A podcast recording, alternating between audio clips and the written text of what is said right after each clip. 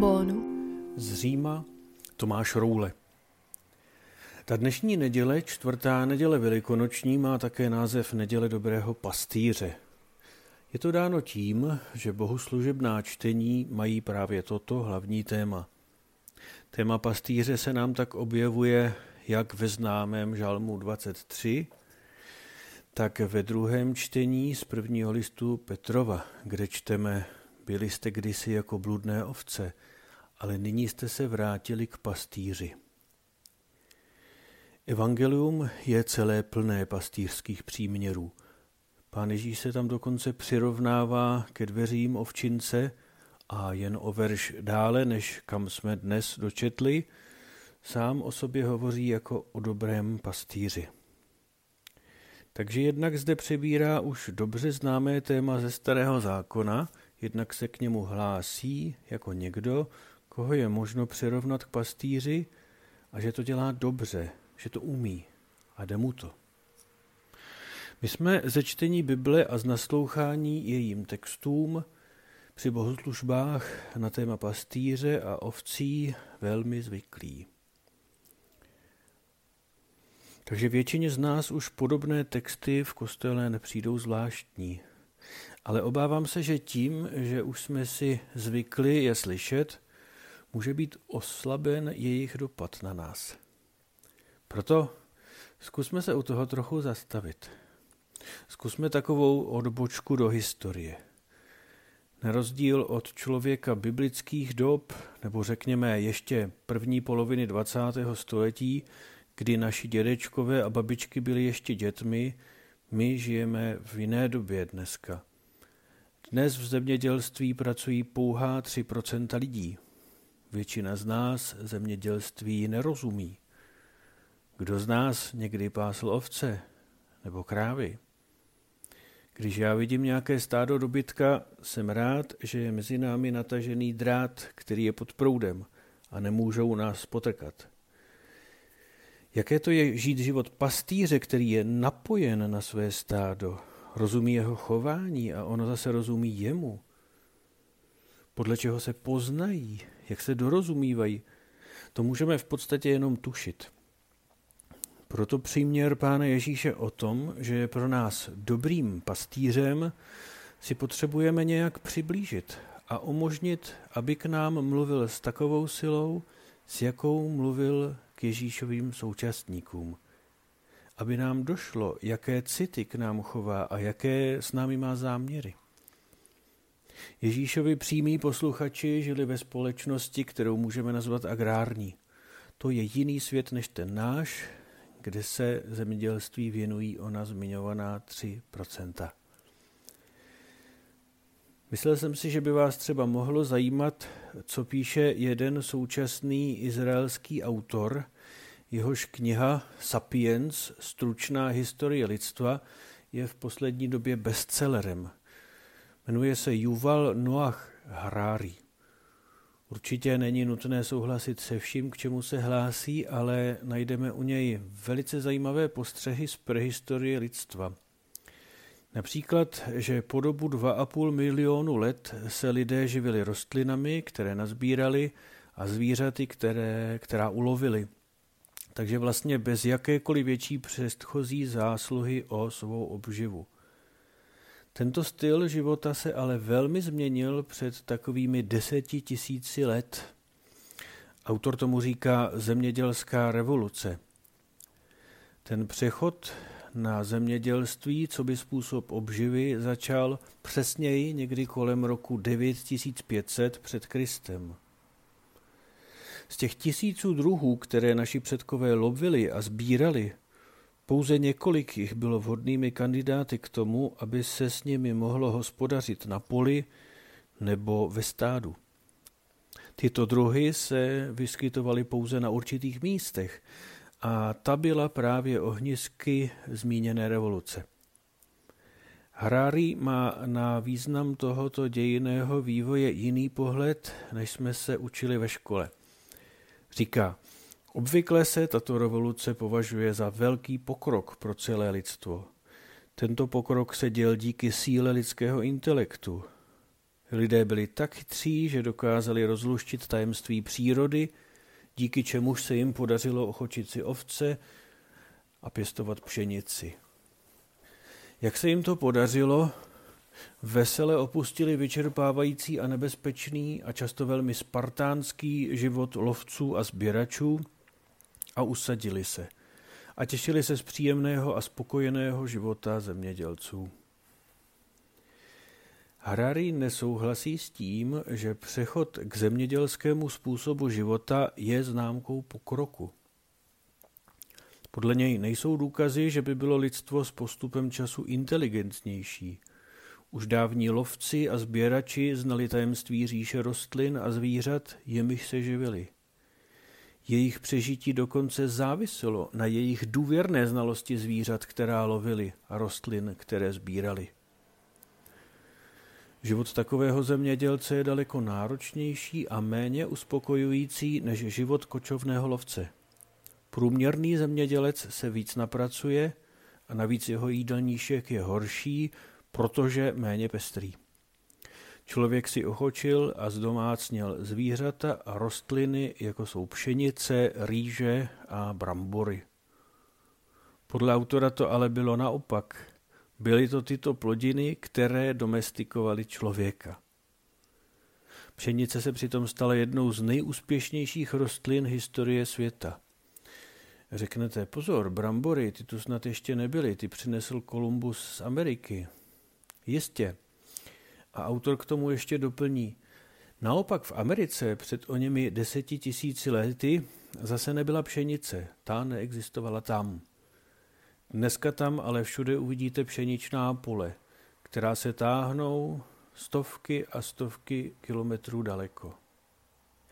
Celosvětově v dnešní době pokrývá pšenice 2,25 milionů čtverečních kilometrů povrchu zemského, což je téměř desetinásobek rozlohy Velké Británie.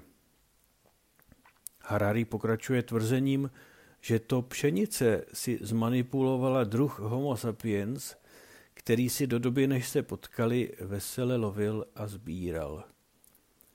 Pšenice nedělali dobře kameny, a tak člověk lámal hřbet, aby je spolí odklidil. Pšenice se nechtěla dělit o vodu a živiny s jinými rostlinami, a tak muži a ženy dřeli na žhoucím slunci a pleli a pleli. Pšenice lákala zajíce, a tak člověk kolem ní stavěl ploty a pole začal hlídat. Pšenice měla žízeň, tak homo sapiens nosil kýble s vodou a vymýšlel různé zavlažovací systémy. Hladová pšenice dokonce člověka rozumného přinutila sbírat zvířecí výkaly, aby bylo pole pěkně pohnojené. Na takovou dřinu ovšem tělo člověka nebylo přizpůsobené, říká autor. Byl dobře stavěný na to, aby lezl po stromech, sbíral z nich ovoce a honil gazely. A tak tu změnu životního stylu začaly odnášet lidská páteř, kolena, krk a nožní klenba. Podle kosterních nálezů je to prý zemědělská revoluce, která má na svědomí vyhřezlé plotínky a artrózu. Navíc člověk musel být v blízkosti pole vlastně trvale, takže další změna životního stylu v podobě pobytu na jednom místě. Ještě chviličku bych chtěl citovat, protože mi to přijde opravdu zajímavé. Není to slovo boží, ale je to zajímavé, zajímavý pohled. Podle autora pšenice, tedy zemědělský způsob života, člověku nepřinesl skutečné ekonomické zabezpečení. Lovec ten totiž závisel na desítkách různých druhů a tak snadněji překonal období s nepříznivým počasím, kdy se něco neurodilo a poměrně snadno se přeorientoval.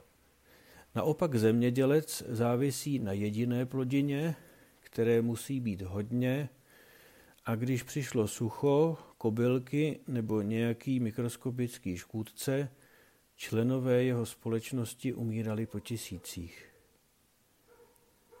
Zemědělství podle Harariho nezabezpečilo člověka ani před lidským násilím. A to tehdy ještě nebyla řepka. Zemědělci nebyli o nic méně násilní než jejich předchůdci lovci. Byli bohatší a potřebovali více půdy na sedbu a pastvu. Když někoho sousedi připravili o pastviny, začal brzy hladovět. Když na lovce doléhal sousední nepřátelský kmen, bylo pro ně snadnější se zbalit a táhnout o kus dál. Když se naopak někdo rozhodl zautočit na vesnici zemědělců, stáhnout se by znamenalo pro obránce přijít o pole, domy a sípky a umírat hlady. Proto zemědělci neměli často na vybranou a snažili se bránit své místo do poslední kapky krve. Takhle, násilně, prý umíralo až 25% mužské populace. Řekli jsme s autorem, že zemědělství vyžadovalo život ve stabilních vesnicích. Tímto způsobem začal počet lidí rychle růst. Ale jejich život byl hodně náročnější a také více zranitelný, protože se mezi nimi snadněji šířily nemoci. Lidé, říká autor, ale během toho všeho neměli ani možnost tušit, kam je dál dovede toto nasměrování lidské civilizace. Postupně si zvykají na lepší životní styl a na luxus a časem bez něho už nemohou žít. Harari teď udělá skok a říká, ono tehdejší, možná ne moc reflektované rozhodnutí stát se zemědělci a přestat být lovci a sběrači – nás dovedlo do doby, ve které žijeme dnes. Je charakteristická tím, že máme vlastně pořád podobný přístup. Vynalizmili jsme nespočet zařízení, která šetří čas a mají nám pomoci, abychom se tolik nenadřeli. Pračky, vysavače, myčky, telefony, mobilní telefony, počítače, e-maily a tak dále tím, že nemusíme psát dopis ručně a čekat, než dojde adresátovi a než on odpoví, ušetřili jsme spoustu času. Máme díky tomu ale lepší, svobodnější život? Bohužel ne, říká autor.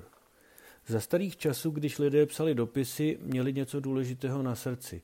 Spíš, než aby napsali to, co je první napadne, pozorně uvážili, co chtějí říci a jak to formulují.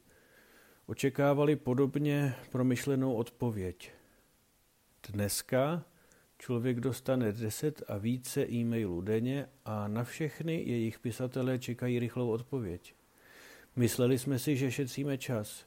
Místo toho nás mele soukolí desetkrát rychleji než dříve a my jsme více úzkostní a rozrušení. Taková past to je. Past vytvořená z luxusu, do které se člověk sám chytil. Mimochodem Bill Gates říkal, že tohle je opravdu bezvadná knížka. On, jehož program Windows má většina lidí ve svém počítači.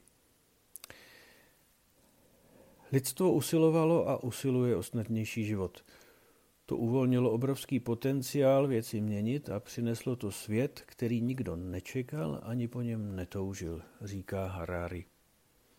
Tuhle takzvanou zemědělskou revoluci nikdo v anarchistických kroužcích neplánoval. Začalo to prostě tím, že chtěl člověk naplnit pár žaludků a být trochu více zabezpečen. Konec odbočky do pozoruhodné knihy současného izraelského autora – do takové šířky bych si v nedělním kázání v kostele zajít nedovolil, ale tady vycházím z vaší tolerance a z toho, že máme trochu více času a můžeme se některým věcem věnovat trochu více. Zabýval jsem se tím proto, že podle mě tohle docela souzní s pohledem na dějiny, jaké má Bible na dějiny člověka. Docela mi to souzní s tou boží předpovědí toho, jaký bude svět po pádu prvních lidí. Hospodin tam říká člověku, kvůli tobě ať je země prokleta, po celý život z ní budeš jíst trápení, v potu tváře budeš jíst svůj chléb. Prosím vás, nic proti tomu, jestli vás baví práce na zahrádce, když vás těší, jak rostlinky s obrovskou silou na jaře klíčí a rozpínají se. A vy jste v kontaktu se životem, s malým, ale i velkým ž. No a jak to souvisí s dobrým pastýřem? Podle mě takhle. Bible a pán Ježíš používají příměry a metafory blízké člověku agrární společnosti, samozřejmě nejenom, ve které ale my nežijeme a moc ji neznáme. Přitom cílem je vyjádřit platné všeobecně a nadčasově. To, co je platné všeobecně a nadčasově. U Boha a v jeho způsobu vidění věcí a existence je to podobně jako v téhle určité věci, kterou vy lidé doby kolem přelodu, přelomu letopočtu dobře, ba důvěrně znáte. Víte, jak to funguje. A tak se používají tehdy důvěrně známé příměry. Evangelia jsou na příměry z obyčejného života. Navíc pán Ježíš byl dobrý pozorovatel. Co dobrý? Vynikající pozorovatel. Znal život obyčejných lidí naprosto důvěrně, znal tvrdou práci. A těch příměrů je spousta, protože každý ilustruje pouze určitý rys a stránku a platí všechny dohromady. Proto se má k Bibli přistupovat jako k celku. To, že jsou evangelia takhle na příměry z obyčejného života, to je podle mě další rozměr vtělení. Bůh se vtěluje do běžného života, který je jim doslova prosycen. A tím nám také Bůh ukazuje, jak k obyčejnému životu přistupovat. Svatá Terezie z Lizie říkala, dělat obyčejné věci s neobyčejnou láskou. Celé evangelium na běžný život odkazuje. Běžný život má v sobě tedy ten potenciál ku Bohu odkazovat. Všechny ty příměry jsou samozřejmě jako. Ovšem nikoli jako ve smyslu, že to je jen zdánlivé nebo jen na oko. Jako to je ve smyslu, že ta skutečnost, k níž příměr odkazuje, je něco jiného. Ježíš tomu něčemu jinému často říká Boží království. Možná bychom to mohli chápat jako způsob božího vládnutí, božího chápání, co je to moc, boží způsob existence, kde věci jsou podle něj, podle jeho měřítek, podle jeho představ. Toto je přirovnáno k věcem viditelným a dobře známým, protože to, o čem nám chce Ježíš říci, je běžnému lidskému pohledu nepřístupné. Ale je to člověku nějakým způsobem přístupné. A Ježíš proto přišel, aby nám to zpřístupnil.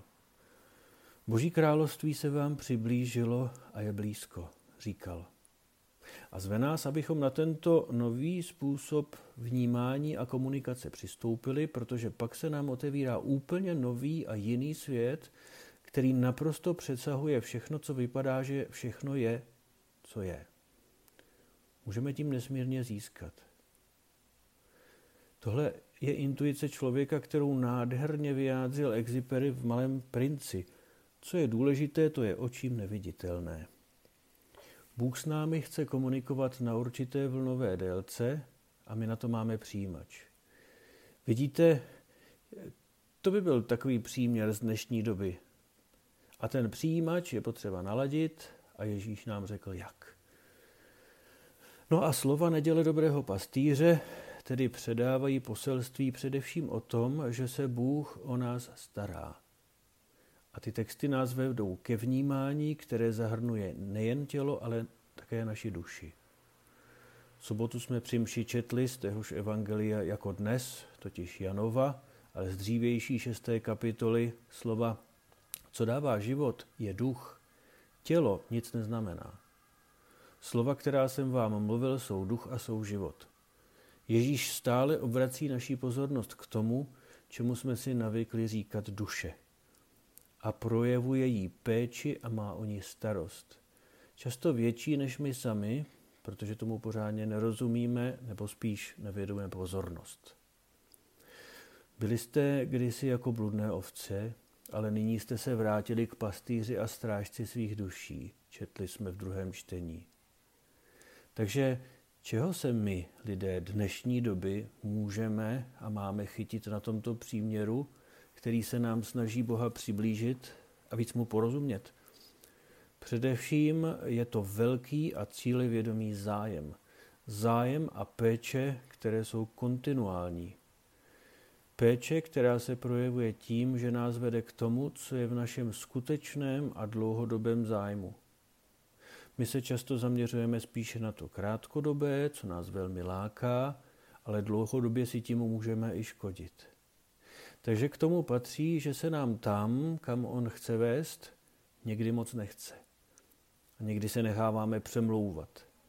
Dá se říct, že mu jde o naše vlastní dobro více než nám samým.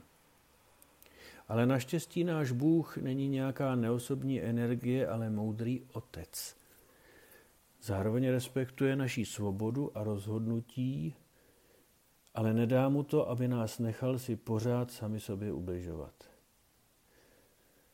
Jeden americký kněz a spisovatel Steven Rossetti, možná znáte některé knihy, které mu u nás vyšly, vypráví o jednom knězi, kterému pomáhal dostat se z osobních problémů. A tím končím.